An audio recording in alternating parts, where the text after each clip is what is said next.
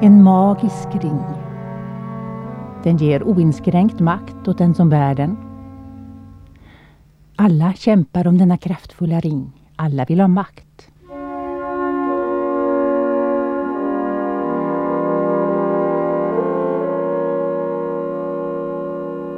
Makt till vad?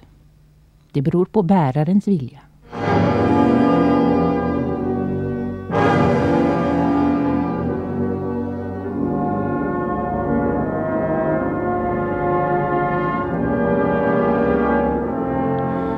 Men ringen får en förbannelse bunden vid sig. En förbannelse utslungad i vrede och bitterhet. Och därmed blir ringen farlig för sin bärare. Var och en som bär den måste dö.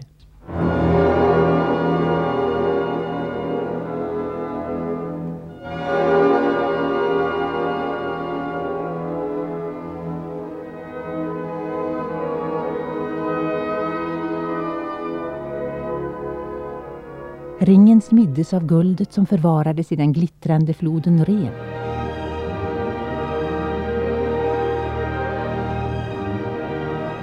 Renens döttrar gladde sig åt det vackra guldet som glänste så vackert när solen lyste på det.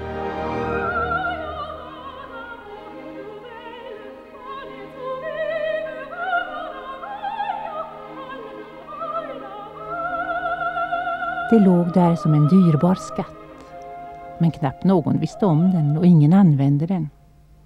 Det var naturens egen tillhörighet. För att komma över den och använda den måste man göra något oerhört. Man måste våldföra sig på naturen och avsvära sig kärleken.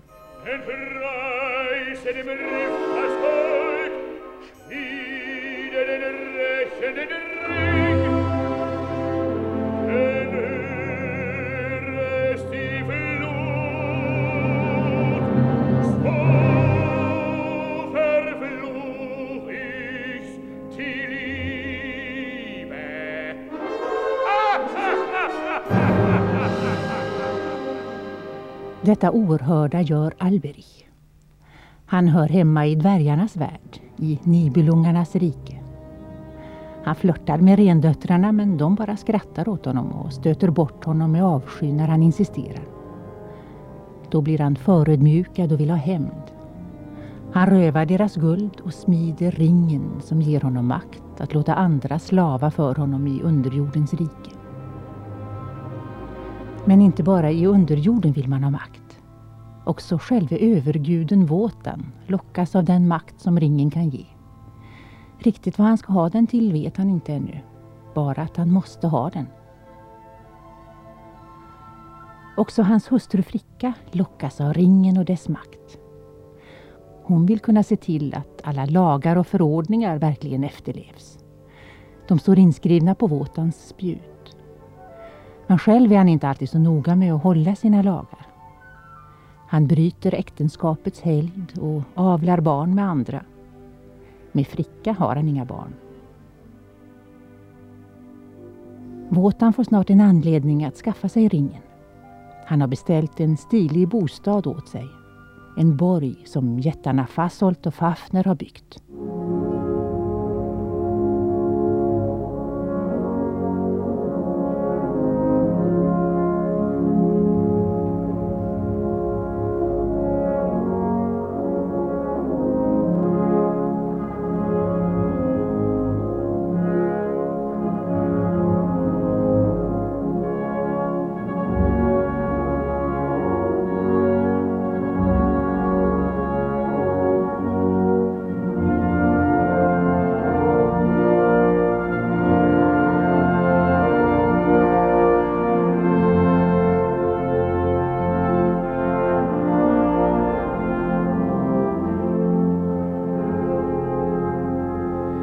Som betalning för borgen har Våtan lovat jättarna ungdomens och kärlekens gudinna Freja.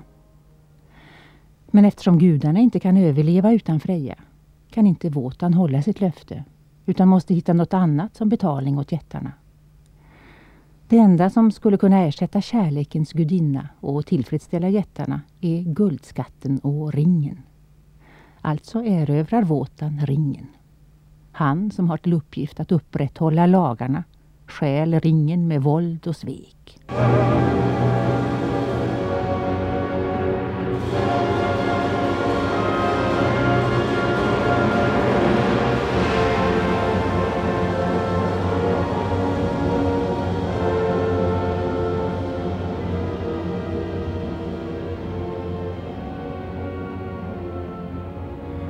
Nu är Våtan ägare till ringen, men också han tvingas att lämna den vidare. Den visa urmoden Erda varnar honom att gudarna kommer att gå under om han inte lämnar den ifrån sig. Jättarna får ringen och genast visar sig dess förbannelse. De råkar i gräl och den ene dräper den andra. Men Våtan har överträtt lagen och har därmed också hamnat under förbannelsen. För att komma undan den måste han sona brottet och återlämna ringen till rendöttrarna. Själv kan han inte göra det. Han skaffar sig en son, Sigmund, som ska utföra det och förser honom med ett kraftfullt svärd. Men Sigmund förenar sig med sin tvillingsyster Siglinde.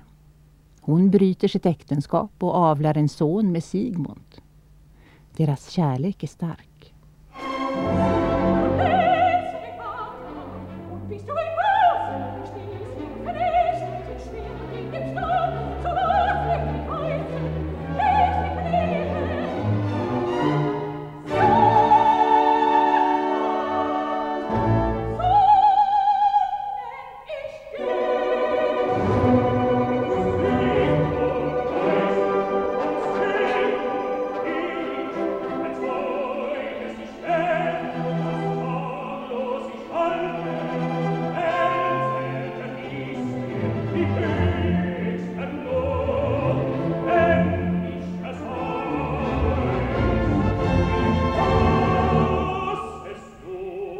Deras kärlek är brottslig.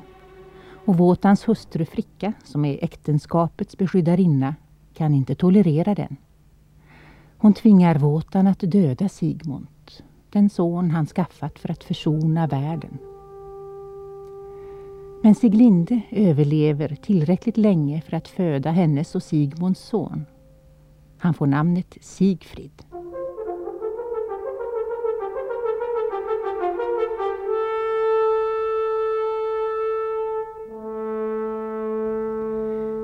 Siglinde överlever tack vare en annan kvinna. En orädd valkyria, Brynhilde. Hon är Våtans dotter och hans älsklingsvalkyria. Brynhilde känner medlidande med det stackars älskande paret och försöker rädda det. Därmed trotsar hon överguden och måste också straffas. Våtan tar ifrån Brynhilde hennes gudastatus och lägger henne på en klippa. Hon ska likt Törnrosa sova till dess att prinsen kommer och väcker henne med en kyss. Runt henne växer inte en törnroshäck men väl en ring av förtrollad eld. Bara den som är fri och utan rädsla kan tränga igenom den.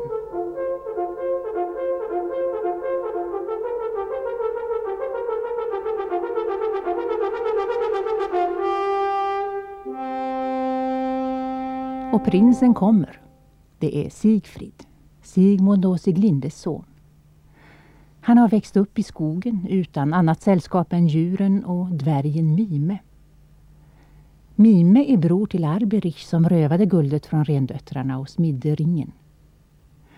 Också Mime vill åt detta eftertraktade föremål och vårdar sig om den föräldralöse Sigfrid för att han förhoppningsvis ska kunna skaffa ringen åt honom. Själv klarar inte Mime detta eftersom ringen vaktas av en stor drake. Det är jätten Fafner som förvandlat sig till drake för att så mycket bättre kunna vakta sin dyrbarhet.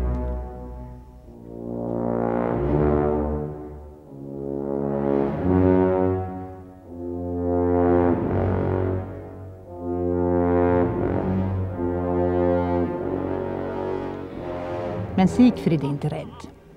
Han smider sig ett svärd han använde de bitar som blev över av det magiska svärd som hans far Sigmund en gång hade fått av Våtan. Han ger det namnet Notung och ger sig iväg för att pröva sitt mod mot draken. Han dödar den och hämtar ringen ur drakens håla. Han vet inte vad han ska ha den till. Men en liten fågel säger till honom att ta den. Den säger också att han ska gå till Brynhilde som ligger på sin klippa och sover. Sigfrid längtar efter kärlek och gör därför som fågeln säger. Han har fortfarande inte lärt sig vad fruktan är och kan därför tränga igenom trollelden som omger klippan. Först när han ser Brynhilde känner han en underlig bävan i bröstet. Han väcker henne med en kyss.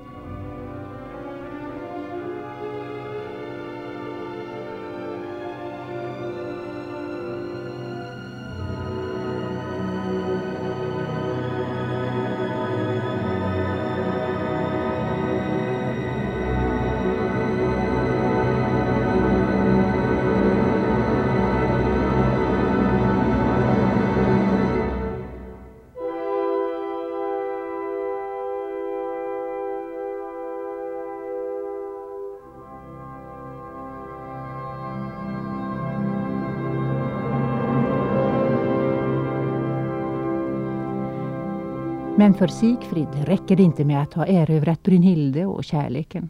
Han måste ut i världen och erövra den. Han lämnar ringen som förlovningspresent till Brynhilde och ger sig av. Han kommer till Gibbitjungarnas borg. Där finns ännu en maktlysten person. Han heter Hagen. Han är son till Alberich som en gång avsvor sig kärleken. Även utan kärlek kan man alstra barn. Men maktlystnad och hämndbegär gav han i arv åt sin son.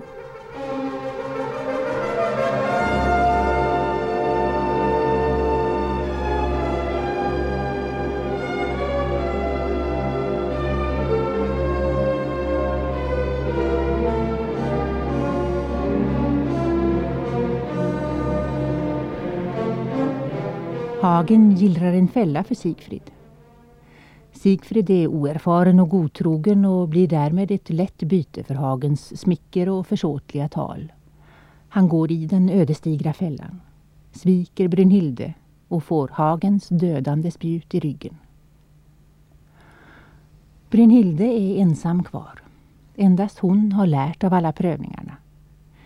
Endast hon har kunnat höja sig över sig själv, känna medlidande och verklig kärlek. Endast hon är stark nog att offra sig själv och försona ringens förbannelse. Hon tänder en brand som sprider sig ända till gudarnas boning. Gudarnas värld går under. Rendöttrarna återfår sin ring och en ny värld kan spira.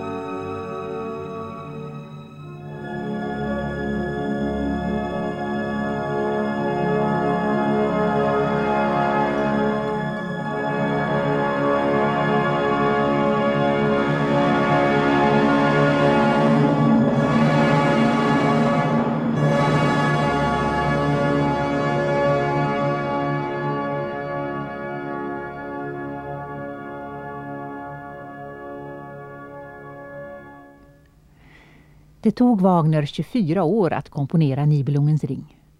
Han började 1848 med utkast till handlingen och skrev de sista ackorden i Götterdämmerung 1872.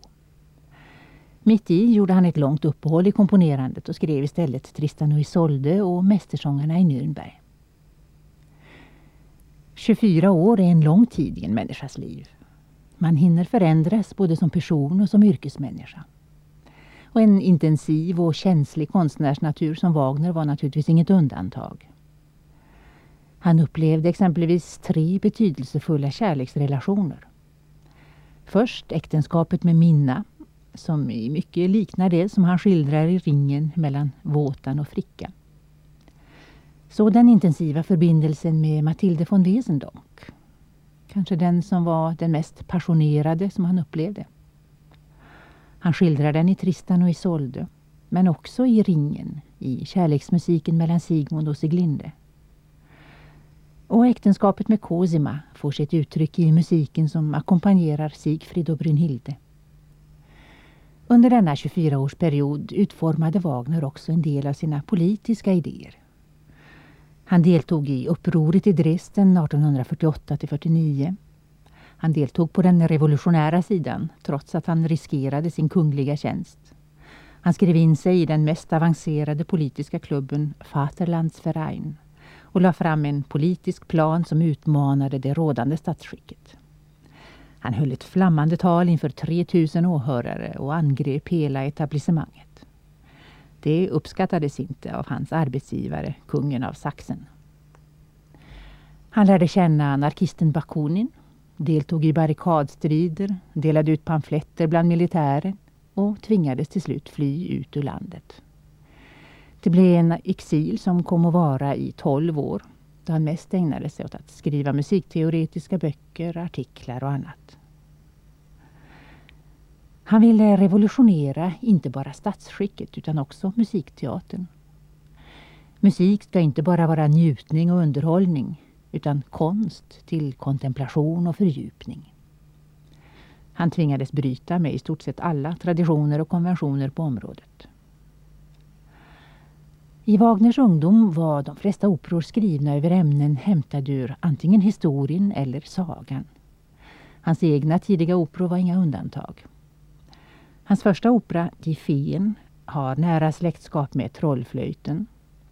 Liebesverbot skrev han över en historisk berättelse av Shakespeare. Hans Rienzi är en grand opera om den siste romerske folktribunen. Och i Den flygande holländaren hämtar han sitt stoff ur sagans värld. Tannhäuser är en kombination av saga och tysk medeltidshistoria.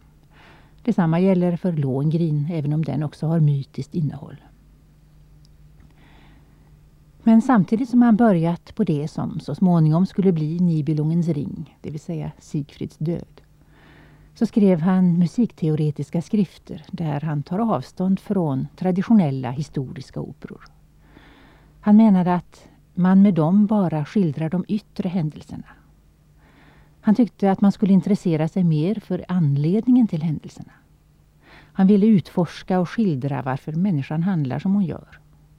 Och för att göra det ansåg han att man måste gå till mytens värld.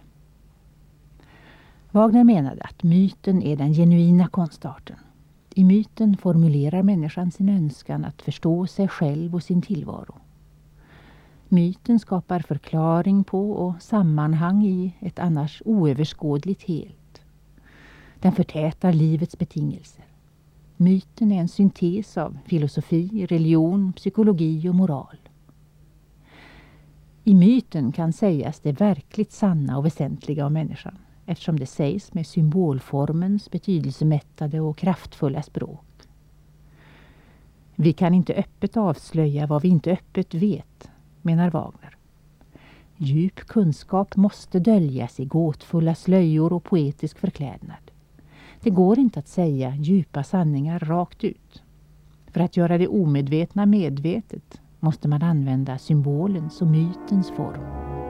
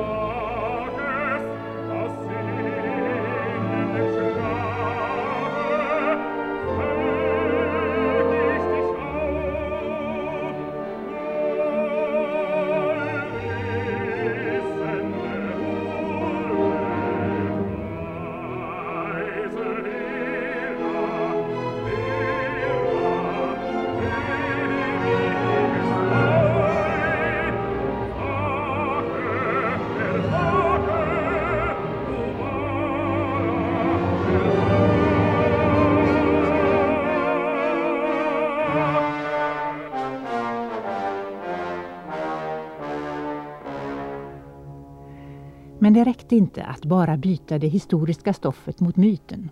Också texten måste förändras. I Wagners reformteorier är förhållandet mellan text och drama centralt. Det här var i och för sig inte något nytt. Gluck hade gjort sina försök hundra år tidigare. Men i ringen möter vi en helt ny form av musikalisk deklamation. Och också här går Wagner till andra områden än de traditionella för att söka inspiration. Han överger rimmad vers och också den orimmade blankversen och gör en egen variant av det fornnordiska stavrimmet. Stavrimmet har en mycket speciell rytm i deklamationen. Och där finns också de betydelsemättade bokstavsrimmen, allitterationerna. Det går att dyka ner var som helst i texten för att hitta typiska exempel. Som det vi hörde alldeles nyss till exempel. Vache, vala, vala er vache. Eller lite längre fram i samma scen. Die Walküre meinst du, Brünhild, die Maid. Sie trotzte dem Stürme bezwinger, wo er am stärksten selbst sich bezwang.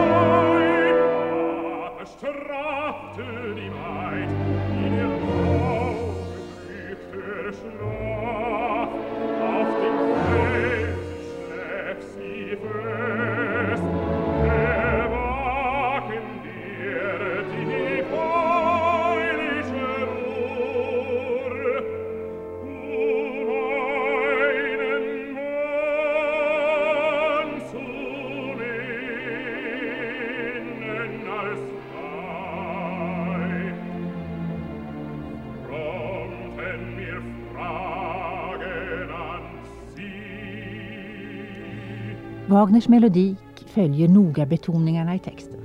Resultatet blir ett musikaliskt flöde. Här finns inte längre den traditionella operans uppdelning i recitativ och arior. När Wagner började på Ringen 1848 tänkte han skriva ett revolutionsdrama. Han ville visa att penningen har en demonisk makt och att revolutionen skulle befria de undertryckta och göra hela mänskligheten fri. Han skrev till sin gode vän, den revolutionäre socialisten August Röckl, att ringen ska visa upprinnelsen till en orättfärdig värld som går under. För att vi ska lära oss känna igen orättfärdigheten, rycka upp den med rötterna och grundlägga en rättfärdig värld istället. Men åren gick. Den politiska revolutionen blev inte alls vad Wagner och många andra hoppats på. Han läste filosofer som Feuerbach och Schopenhauer och insåg så småningom att det han komponerat under alla dessa år hade blivit något mycket mer än han från början hade tänkt. Men vad är det då? Ja, enkelt uttryckt kan man säga att verket är outtömligt. Det finns oändliga möjligheter till tolkningar, vilket märks på den enorma mängd litteratur som har skrivits om det. Nibelungens ring går inte att bli färdig med. Det går ständigt att upptäcka nya saker både vad gäller text, musik, ideologi och psykologi. Men det bygger ändå på två grundläggande teman. Makten och kärleken. Alberich avsvär sig kärleken och kan därmed röva guldet. Han blir förödmjukad av rendöttrarna men kan kompensera det genom att smida sig en ring som ger honom rikedom och makt. Wotan är egentligen inte alls så olik Alberich. Han skäl för att få makt. Men det är mer chockerande att han gör det eftersom Wotan är en gud. Wotan är själv störd av hur han tvingas agera men han är förblindad av makten och vi tvingas inse att även den visaste och ädlaste är inte vis och ädel rakt igenom. Det är inte bara de onda som gör onda gärningar och de goda som gör goda. Vi är alla sammansatta och sårbara varelser. Wotan söker inte bara makt utan också vishet. Han har offrat sitt vänstra öga, alltså det som står för intuition och känsla. Han drack ur Mimers källa och utsatte sig för nio dagars späkning för att uppnå kunskap. Men han skär av en gren från det magiska urträdet Yggdrasil och gör ett spjut av det. Det sårade trädet dör och världen går under. Om man skulle komma på tanken att göra en actionfilm på ringen så är Våtan inte mycket att ha som huvudperson. Det är ingen riktig go i honom. Han får sina mäktiga vredesutbrott ett par gånger och de imponerar men annars går han mest omkring och är deprimerad. Han vill egentligen bara dö. Då är det mer fart på Sigfrid. Han är å andra sidan mer än lovligt naiv. Och det är sällan man ser en vettig tolkning av Sigfrid på scenen. Det är ett omänskligt stort kraftprov att sjunga rent vokalt. Och att dessutom göra en trovärdig person av detta stora barn är verkligen inte lätt. Ja, så här kan man sitta och fundera över de olika personerna. Och för några år sedan samlades vi några stycken och gjorde just det. Alltså diskuterade ringen och vad den egentligen handlar om. Det var av samma anledning som nu, det vill säga att Musikradion skulle sända hela Nibelungens ring under några kvällar. Och samtalet blev en av mellanakterna. Det var dåvarande producenten på Musikradion, Jan Lennart Höglund, som bjudit in tonsättaren och professorn Gunnar Bukt, operasångaren Erik Sedén och författaren Carl-Göran Ekervall. Jag tycker att Sigfrid av alla dessa personer som dyker upp i, i ringen är ju den mest intressanta. Det är en otrolig karaktär som växer fram där. Bara påpeka en detalj att han dräper Fafner, han dräper draken. Vad menar då Wagner är villkoret för att någon ska dräpa draken? Jo det är att han inte vet vem han själv är. Han säger det uttryckligen, jag vet inte vem jag är, jag vet inte vem jag är, säger han. Eh, Sigfrid. Han är det ovetande naturbarnet på något sätt. Och det är en intressant eh, ståndpunkt. Och det, det, det Thomas Mann säger, det gör Wagner så tvetydig att han till hjälte gör en person som går på instinkt och som inte är som Wotan rationell och sluter fördrag. Sigfrid är en farlig gestalt på det sättet. Jag menar, eh, det om man ser det eh, politiskt, men om man, ser, om jag ser det bara mänskligt så, så, tycker jag mycket om Sigfrid. Jag tycker om detta ovetande barn som dräper draken och som inte vet vem han själv är. Men annars är ju Sigfrid den figur som man har skrattat åt mest. Man tycker han är så enfaldig så det, det är lite löjligt. Ja men han ska vara det. Tycker ja. Han ska vara det. Han är naiv och ovetande och han drabbas ju av insikten först när Hagens spjut träffar honom i slutet av Ragnarök. Men det är alltså hans, eh, hans naivitet blir hans fall. Och då kan man jämföra med eh, Tolkiens Sagan om ringen där huvudpersonen eh, Frodo har en insikt, en nyansering. Det är alltså en mogen person och därför avstår han att eh, dräpa den här eh, vidriga eh, personen Gollum. Eh, Sifu däremot, han dräper utan minsta tvek, tvekan Mime därför han avskyr honom. Och där är alltså Sifis eget tillkortakommande som människa som får dessa konsekvenser mot slutet.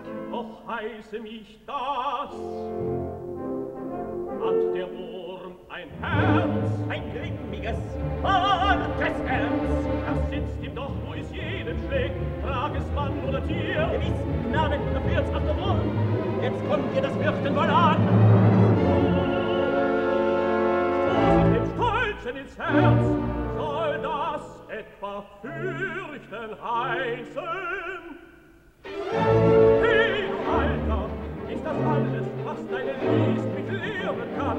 War deines Wegs dabei war, das Fürchten lern ich hier nicht. Wart es mal ab, was ich dir sage, Stauberschall. Selber musst hören und sehen, die Sinne vergehen dir dann schon. Wenn der Blick verschwindet, der Boden geschnappt, die Busen macht dein Herz erlebt. Dann dankst du mir, der dich führte, gedenkst, wie Mime dich liebt. Du sollst sag ich dir's nicht, komm aus dem Auge mir, lass mich allein, sonst halt ich's hier länger nicht aus, fängst du von liebiger an. Das eklige Nicken und Augen zwicken, wann endlich soll ich's nicht mehr sehen, wann werd ich den Albern los, ich lass dich schon. Det här som ni säger att personerna är så naiva. Jag kan inte se det som naivt.